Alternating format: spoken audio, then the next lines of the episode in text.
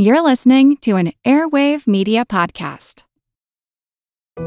We all know how important it is to keep your eye on the money, and not just your own. Stay on top of the latest financial and market news with Yahoo Finance, a podcast that releases new episodes almost every day. You'll hear a brief overview of the biggest news in the financial world, all in three minutes or less, right after markets close. Check out Yahoo Finance wherever you get your podcasts. That's Yahoo Finance wherever you get your podcasts. This is Kickass News. I'm Ben Mathis. If you're an entrepreneur, a small business owner, or even if you have a side gig, let me introduce you to Grasshopper, the entrepreneur's phone system. Grasshopper lets you send and receive calls and texts from your new business phone number. That way, you can run your business from anywhere and respond to clients quickly with Grasshopper's mobile apps. Grasshopper, sign up today. Go to grasshopper.com/kick to get $20 off your first month. That's grasshopper.com slash kick. And now, enjoy the show. Hi, I'm Ben Mathis. Welcome to Kickass News. It's been a strange few months for the entertainment industry. Fall is usually the time when Hollywood's focused on rolling out big holiday movies and a buzz with awards chatter. But this year, the town is consumed by something much more sinister a seemingly endless slew of sexual assault and harassment scandals that are ending careers, overturning entire studios, and calling into question why the proverbial casting couch has been tolerated for so long. Caught in the crossfire are dozens of movies and TV shows, and the casts and crews who've become collateral damage. In the wake of the very serious allegations against actor Kevin Spacey, Netflix is considering rewriting or canceling House of Cards, and they've already opted to not release the Netflix original film Gore, which stars Kevin Spacey as writer Gore Vidal.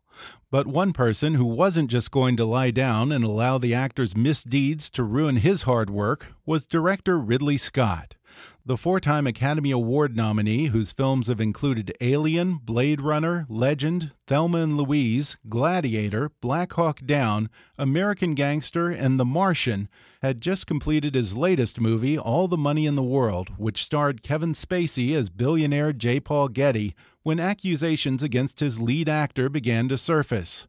With the film already in the can and a release date set for Christmas Day, Ridley Scott made the unprecedented decision to replace Kevin Spacey and reshoot all of his scenes with actor Christopher Plummer in the role.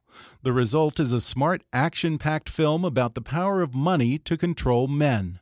And today, Ridley Scott joins me on the podcast to discuss the scandal that nearly sank all the money in the world, the logistics that went into reshooting so much of that movie just six weeks before it opens, and the little something extra that only a Hollywood legend like Christopher Plummer can bring to a film.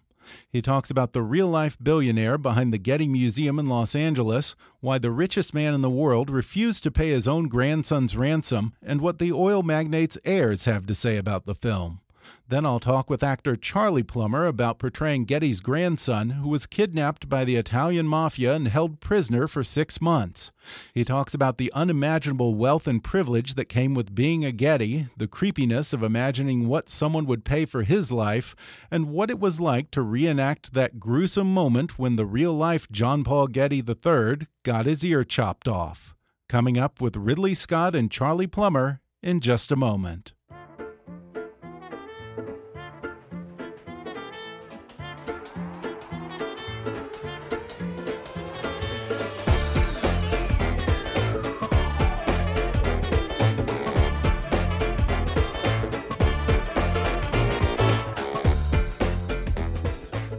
I'm talking with Academy Award nominated director Sir Ridley Scott. He's done a yeoman's work directing and then redirecting All the Money in the World. Ridley, thanks for sitting down with me. Pleasure. When you were first approached about directing this film, what did the name Getty conjure in your mind? Well, you know, I'm of the age where I remember it loud and clear and uh, was you know 72 for me. I was born 37, so I'm you know I'm even 72. What am I? 30 odd years old.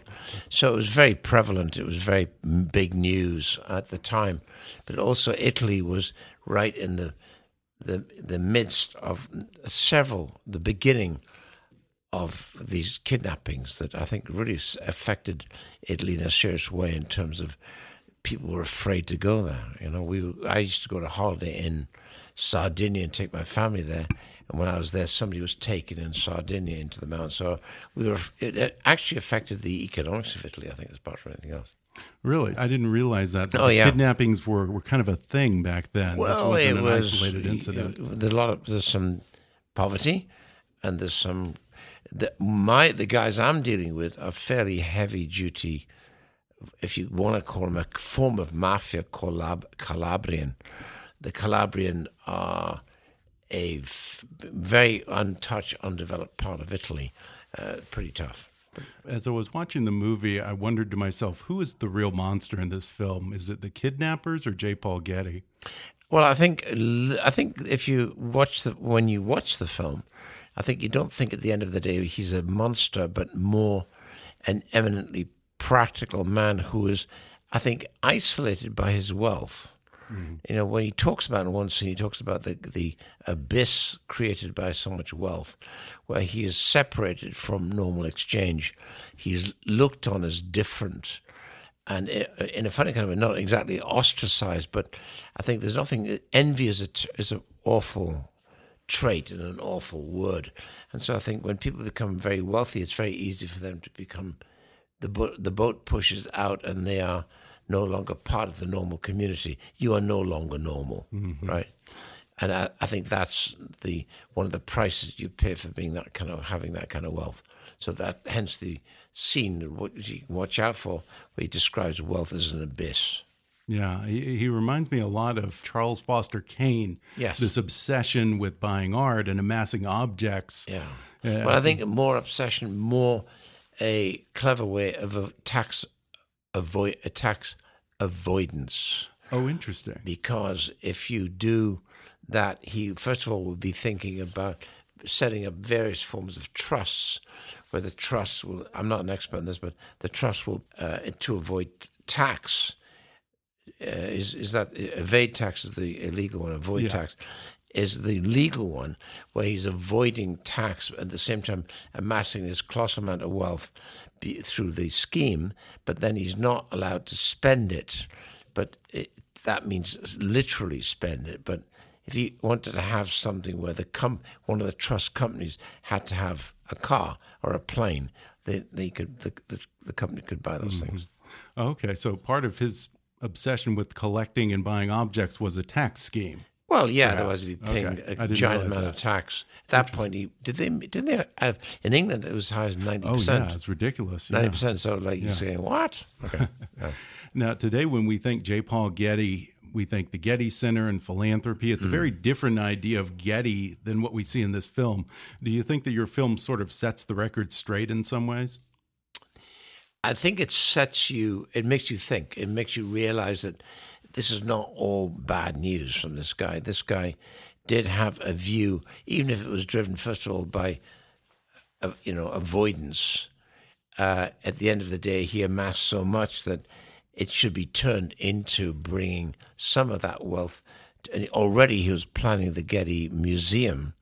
We see in the film where he put all this wealth on display free with free car parking. So at least that was the beginning of his philanthropy.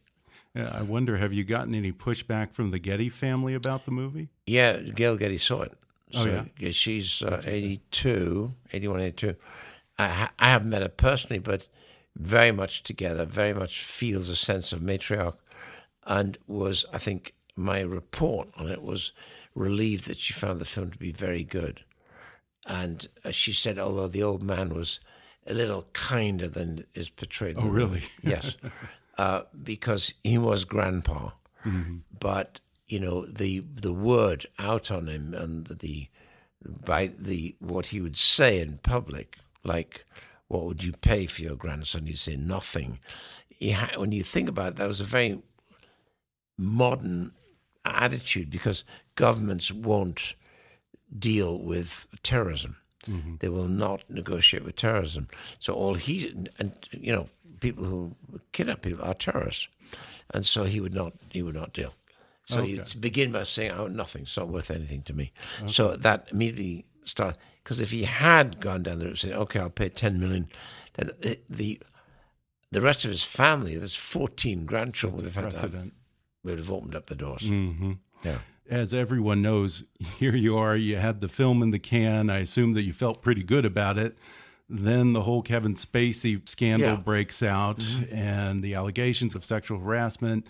You know, scandals happen in this town, and sometimes they can generate even more publicity for a movie. Yeah. How immediately did it dawn on you that this scandal could sink the movie that you put a year of your life into? Well, it, yeah. Well, it came with a wave of other allegations, uh, both from Right. the other side of, from the female side and the male side. So the whole world seemed to be opening up and using this as a window of opportunity for protest. And I think in most instances it's completely valid and about bloody time. But you know, it has been around for years, you know, as long as the film Sure. industry's been going. It's been always there because the industry has a, attracts a certain kind of individual, attracts a certain kind of person who's an ambitious actor or actress who that's what they want to do. And when they want the job, the people who are in charge of it all can do are perceived as being, you know, the all powerful, which of course they're not. You've got mm. always got that choice to say no, thank you very much. to recast and to reshoot a movie like this it's almost something that's unheard of in the modern age. It's the kind of thing that old studios used to do and the stuff of Hollywood behind the scenes legends. Did you get a kick out of the challenge and having to snap into action and save this movie? Um, no, it to me rather than a kick, it was is, we have to do it. This is a necessity. There's an investment here, a lot of money. I can't let that go. It's not my money, but it's my partner's money. I've got to fix it because I cast the person originally and was insistent that this would be the best person for the job, and here he was going to become a problem. So I felt responsible to a certain extent for that. So I said, "I've got to do it. Let's do it." And here's here's your choice. We can do this, and I'll be out at, as planned. And how long did it take for you to get Christopher Plummer on board and to arrange all the shoots and everything? About four days. Four days. Yeah. Oh my God. No, I mean we're really efficient. Once you Yeah. kick into into what you're going to do, it just goes boom. It's it's very efficient. Wow. I mean, what kind of logistics went into having to reshoot all these scenes? Well, you have to get the locations, the yeah, you- actors back. Yeah, you get everything. You get everything together. You get all everyone's on the phone finding out other locations available. Yes, what days could they be available? Okay, uh, who's available to shoot? What's Michelle doing? What's um, Mark Wahlberg doing? Uh, can I get Kevin? Uh, you know, um, Christopher. Um, etc. All those things come to bear. Then we get all the collate all the information and put it together and say, okay, we've got to be in there and out, in and out by then. I I have to say that I'm just dumbfounded at how matter of fact you are about Yeah, this. I mean, this would have put other directors in the nut Yeah, house. what- no, no, no, no. Yeah, yeah, that's true. But they shouldn't be doing the job. I, I love doing what I do, and I kind of say with stress, bring it on. You know, now, when you approached Christopher Plummer, what did he say? uh, he uh, he and I want to work together anyway. I've always admired him, always. But I, something in recent years particularly memorable. I loved he, the part he played of Mike Wallace in The Insider. Yeah, a very good film by Michael Mann, and I never forget that he was very powerful in that, and very realistic in that. And I liked, in a funny kind of way, I liked the The Insider a lot because, it, and I felt that the Getty thing is a little bit like that. It's, it's not exactly documentary, but it feels that way. It almost feels like, you know, a newsworthy. It's like newsy thing. Yeah, I kind of got that watching this. Yeah, yeah. Just from a continuity standpoint, that must have been pretty challenging. Yeah, but when uh, I've got blessed with a great sense of geography and scene, and uh, I, I don't know where it came from. I just have it, the evolution of how a scene should move in the and the geography, uh, the, what I call the choreography of the scene, seems to come to me naturally. And once I get into it, I've learned to trust my intuition absolutely. So normally it's pretty right, and I get in there, and that's what happens. And so once it was done, it's honestly perfect. Mm-hmm. So if I'm going to redo it, I'm going to slot in stuff as I want it. I'm not going to redo the whole scene. Mm-hmm. And so, and you got to you got to make that decision. You make that choice. And w- of course, at the same time, I have to protect Christopher from. I don't want to show him what Kevin Spacey did. Oh, interesting. Not at all. And so, but I will protect him and make him feel and know that it's his investment, it's his character. He Mm. he owns it. Now, when you went from taking a relatively young man or a man in his middle years and aging him to look old, when you went from that to working with Christopher Plummer, a seasoned actor in his late 80s, did that change how you directed the actor at all? Not really. I had to young him up a bit because I got to go to 1958, uh, and then this the story me, real time takes place in 1972, and so the earliest flashback was 58. So at 72, 1972, he was already in his 70s Right. and and you know Chris is in pretty good shape. I'm at 87, so Oh, yeah. frankly, you get away with that. And so there was virtually no makeup involved at all, and, it, was, it was uncanny because he almost ha- seemed to have the physical view of being like Getty, except he's a lot more handsome than Getty was Right. but nevertheless, he's roughly yeah, roughly the same age, and and the way he looks is kind of perfect. Mm-hmm. So, the part of the problem only for me was making him look 1958, looking a little less, little little younger. Yeah, I mean, it seems like it would be a more logical and easier choice to, to just Yes. have to make Christopher Plummer look younger for a few scenes rather than making Kevin Spacey Well, look you know, Kevin 30, Spacey- 40 years older Kevin for the entire movie. Three and a half hour makeup every morning. Wow. Yeah. I, I have to wonder, given what you've been through over the past six months with this movie, what was more difficult, this movie or Blade Runner? Oh, Blade Runner. Yeah. Oh my God, Blade Runner's murder. but you know, I I was against the wall then. I was the new guy. I'm not a kid. I was 43. I was I was a very successful commercial director. Right, right. So, and I already done Alien. I already done a film that won at Cannes. So I was master of my own universe, I'm afraid. So I didn't take any shit. And I think part of the problem was I gave as much shit as they give me. and I think, but out of it came an, uh, it was a very special movie. I knew it was special. The problem is they didn't know what it was. That was, that was the problem. And, and it seems like people are just starting to come around to really appreciating how great that movie is. Yeah, You know, yeah. so well, I think the later. remake, the the, been a not the. Remake, Denny did a great job on the the, the next version, the evolution. Well, before we go, did you ever get a call from Kevin Spacey or anyone on his once. team apologizing? Not once. Shocking. No one Really? said, "Hey, sorry, we kind of ruined your movie." Well, shocking. Really. Yes. Not an I was- agent, a publicist, Nah, I was nothing. disgusted.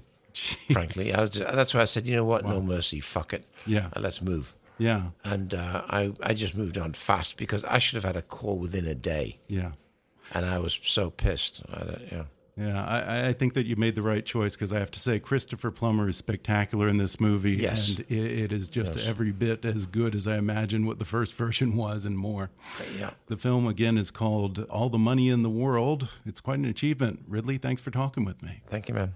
We're going to take a quick break, and then I'll be back with actor Charlie Plummer, who plays the kidnapped John Paul Getty III in All the Money in the World, when we come back in just a minute.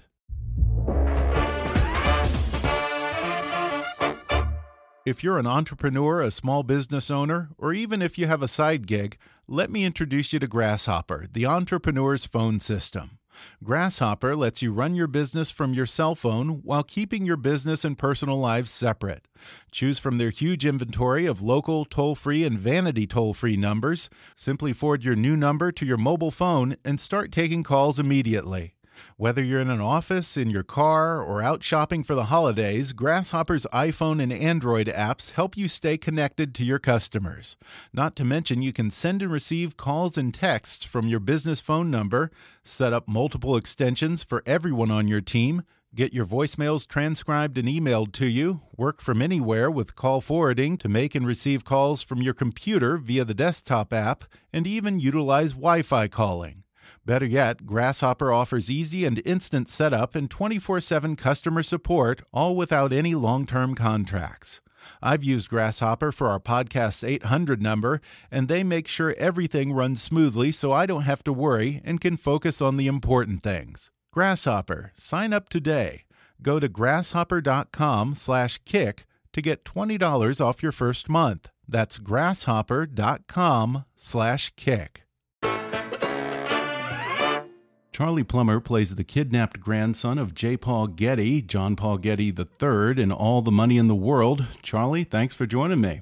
Thanks for having me, man. Well, Charlie, I enjoyed you in Boardwalk Empire. That was one of my favorite shows. Uh, I also, I just a few weeks ago saw you in The Dinner with Oh, another wow. excellent performance. Oh, but in terms of the demands of an actor, this film seems to me to be probably your most challenging role, wouldn't you Hmm. say? Yeah, I think. I mean, I don't know. I, I, definitely different challenges than I've ever had. Um, some a lot more painful experiences that this character has to go through than any character I've had to play ever. But, uh, but yeah, very, very challenging in, in a lot of ways. Yeah, and John Paul Getty III kind of gets put through the wringer in this movie. Yeah, I mean, the real no life kidding. John Paul Getty III Yeah. was kidnapped, chained up, Yeah. kind of living like an animal, and of course gets his ear sliced off Mm-hmm. by his captors. What was the most difficult scene for you as an actor? That was a difficult one, I think, for sure. Um, only because, I mean, of course, because emotionally and uh, psychologically, that's a lot to go through. But also, technically, there was a lot that went into that scene and uh, months of of figuring out the prosthetic and getting whole head casts done. And um, I think that also then just the day of having to apply the ear, which took about an hour and a half, and then doing the scene once, and then having to take that ear off and put the other ear on, and that taking an hour and a half. So I think that all makes it challenging. But then I was just talking about it how um how on on the day the, the Ridley had in the, the the script it was written that the ear starts to you start to see it getting cut off and then it cuts. And so you never really see my reaction or anything like that. And and I think on the day Ridley had I had asked Ridley you know do you want to you want me to just keep going with it? Because that's very much I mean Ridley's very free with with it and and just likes to see what happens. And uh so I, I asked him you know are you gonna cut or are you gonna just see how it plays out? And he said let's just see how it plays out. So so then i had to in the moment really think about how much pain that would you know uh, that experience would would have.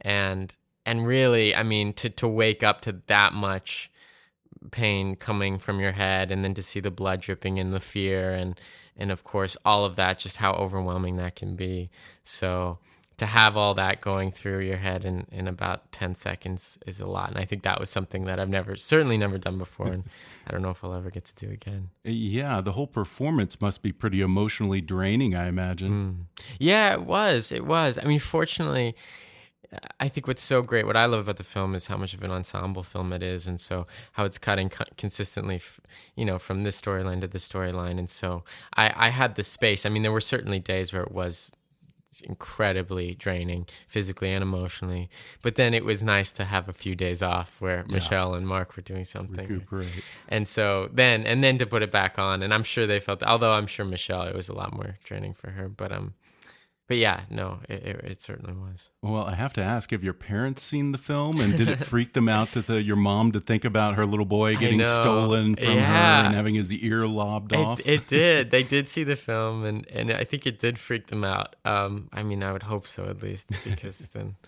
Um, but but no, I think so. I mean, I didn't. Of course, I, I'm very serious about watching it. So, and it was the first time I had seen it, so there was no talking during the film. Yeah. But um, but after it was over, my mom had tears in her eyes and stuff, and I don't know if that was because of the ear chopping off or because she was proud, or I don't know. But um, but yeah, I'm sure it had an effect on her. It's a pretty gruesome scene. well, yeah, your mom is an actor, right? And, and your Mm-hmm. dad's in the business too, so they must be very proud, I'm sure. Yeah, no, they are, and they've been so supportive of me my whole career, and my whole family has. My little brother and my grandparents, and really everyone is so proud of me, and and I'm just very fortunate to have them.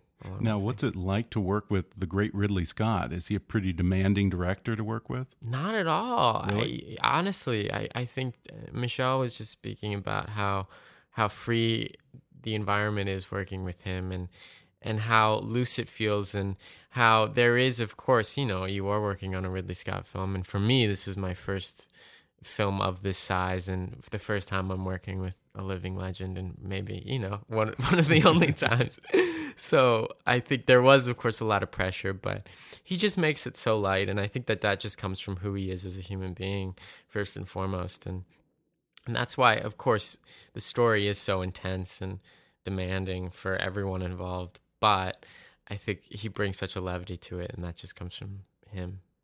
Having put so much time into this movie, what did you think when the Kevin Spacey scandal broke and you thought that perhaps this film wouldn't even be released? Yeah, no, it was it was tough. I think, especially when so many people work on a film mm -hmm. and for so long, and this had then been a part of my life for my whole summer, and um, it was such a beautiful experience. And I really, I think, whenever I have an experience like that, I want that to be showcased in the best way. And I think it was heartbreaking to uh, imagine that that would be taken all away by this one thing. So I was just so grateful for Ridley and for everyone who decided to to get back on board with it and, and really fight to make it what it is now. And I'm trying to remember if you have any scenes with J. Paul Getty Sr. in it. I, I, I, I felt that there might have been one in there. I couldn't. I don't I actually. Yeah. Okay. Which was also, you know, because it, it was really kind of a watching from afar process mm -hmm. because I really didn't have any involvement with with that storyline whatsoever. Okay, so you didn't have to go through the whole process of having to reshoot scenes with no. totally different actors. No, so yeah, which I mean, I'm sure that was quite intense, and mm-hmm. and I, I, fortunately was able to just watch from afar and and hope for the best. But I was so satisfied with the outcome. I'm, I'm yeah. so proud. I have to ask: Is there any relation between Christopher Plummer and Charlie Plummer? Unfortunately, not that I know of. But no. hopefully, this will cause someone to go deep into someone's uh, ancestry and, and track it back somehow. I hope so. I mean, he is such a talented human being. So oh yeah. If there is one little connection, I'll, I'll, take it and I'll run with it for forever. yeah, I mean, he is such a Hollywood legend. He's really part of a dying breed of mm. the great old Hollywood studio stars. Yeah. Uh, have you gotten a chance to talk to him much and talk to him about your craft? I just met him for the first time today because, oh, really? I, you know, like we said earlier, I, I wasn't a part of any of the reshoots and.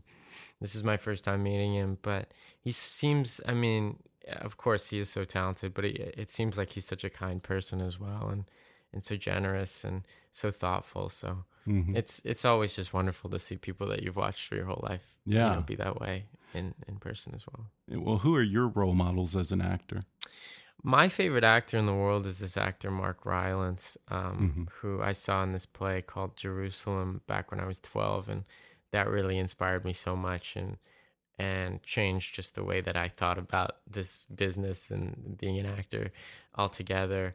And interestingly, Michelle uh, Williams and I really bonded over that on this film because I was talking. She asked me a similar question, and we were talking, and and she he's also one of her favorite actors, and so we all talked about how we're just a part of that fan club. But I think he's certainly one, and there's so many. I I think that that's what's um, so cool about being a young actor right now. Like you're saying, these guys like Chris Plummer and and younger guys and younger gals, and I mean to be able to be 18 and to get to work with these people, but to also watch them um, in some phenomenal performances. I, I feel really fortunate. But Mark Rylance certainly is one, and um, you know Joaquin Phoenix is one of my other favorites. Oh and, yeah Uh, there's a bunch. I could go on for for a long time. One thing that we hear throughout this film is no one understands what it's like to be a Getty, and the Gettys aren't like normal people. They have unlimited wealth and access that's so foreign to most of us. When you prepared for this role, what did you think about to get you in the headspace of John Paul Getty III? Well, I mean, it is such an interesting life that he had, and and a complex one and one that seems so foreign to me and many people I would assume but I, I you know I was able to read about him and I think the interesting thing for him is that as a young person when he was 16 you know he's surrounded by all these people like Andy Warhol and Mick Jagger, and these people had really kind of worked to to be where they were. And there's this interesting story that I was able to read about him, um, in which he got in an argument. This was actually the night that he got kidnapped, and this isn't in the film, of course, but um, the night he got kidnapped, he was in this argument. He was drinking, and he, he was fighting with this friend of his, and his friend said to him, and this is all coming from him, said to him, you know, you're nothing without your name and that that really hurt him so badly because he did have this status because of his name but i think of course that also brings the question of if he didn't have his name you know what would he be and and i think for me then i was able to kind of take that and and then to take that one thought and to to have a person be thinking that throughout five months of really being isolated mm-hmm. what that does to somebody yeah, and he had a tragic life even beyond this incident. Right, yeah. I mean, he only, I think he died in his 50s. Mm -hmm. uh, do you think that he wished that he hadn't been a Getty? I don't know. I, I it's it's certainly not for me to say, but I mean, you're right. He did live a tra tragic life, and I think there was a lot of hardship in his life and a lot of suffering. And I'm sure there were many, many things about his life that were beautiful and and worthwhile, and he was able to enjoy. But but you know, he did seem like someone who who went through a lot of hardship throughout. And as I watched this film, I just kept thinking to myself how weird it would be for me to try and quantify the value of a human being. Mm. But your character's grandfather, J. Paul Getty Sr., did just that with his grandson. Mm. In mm-hmm. fact, he even tried to bargain for a better deal. Yeah. Did you find yourself pondering what someone would pay for you or what your life is worth? Um, uh, I I haven't, but now that you mention it, um, I I mean I I'd hope that I.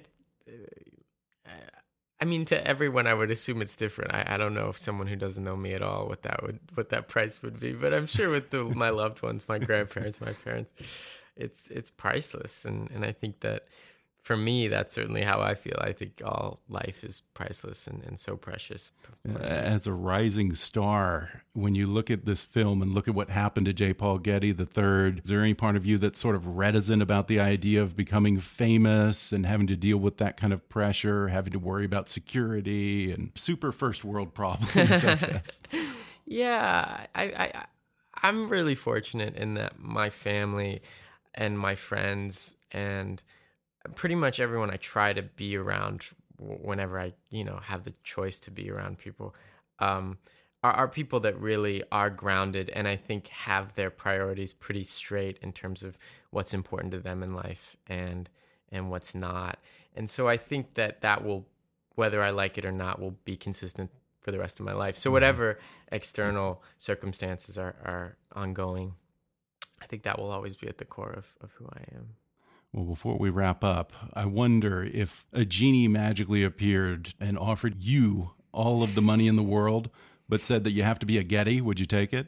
In terms of like, I'd have to be a Getty and I have to throw my whole life away and my family and stuff like that. you, would have to deal with Grandpa Getty. Yeah. all the problems being would I get to keep my, but you get my to keep parents and and all those, or no? It's a totally new family. Oh no, you're a Getty, I guess. Oh no way, no way, man. okay, no, oh god, no. okay, no, not no, even not for billions of dollars. No, man, no, no, no, no, no. okay. I mean, if I just had to change my last name, then I think that'd be a different story. Okay, let's say same parents, but you had to have Getty for a grandparent. Okay, I love my grandparents. Yeah. Though. No, okay, no, I'm not. I'm okay. not moving. I'm not moving. All right, not budging. All right, fair enough. Well, Charlie Plummer, I enjoyed your performance. It's an Thank excellent film. I see big things for you coming ahead. Thank Thanks for sitting you. down with me. Oh, my pleasure. Thanks for having me, man. Thanks again to Ridley Scott and Charlie Plummer for coming on the podcast. All the Money in the World opens in theaters on Christmas Day. To find out more, visit allthemoney-movie.com. Ridley Scott's not on Twitter, but you can follow Charlie Plummer at, at Charlie F. Plummer. Today's episode was sponsored by Credible.com. Credible.com is an online marketplace for student loan refinancing. Using Credible.com's simple platform, it takes less than two minutes to find out if you're overpaying on your student loans. You could save thousands by refinancing. All you have to do is visit credible.com slash kick, answer a few questions, and right away you'll get real rates, not ranges of rates, from multiple lenders. Checking your rates will not affect your credit score, so you really have nothing to lose. The average user who refinances through Credible.com saves almost $19,000 over the life of their loan. And for a limited time, my listeners will get a $200 welcome bonus when refinancing through Credible.com slash kick. That's Credible.com slash kick. If you haven't already, be sure to subscribe to Kickass News on iTunes and leave us a review. You can follow us on Facebook or on Twitter at, at KickassNewsPod. And as always, I welcome your comments, questions, and ideas at comments at kickassnews.com. I'm Ben Mathis, and thanks for listening to Kickass News.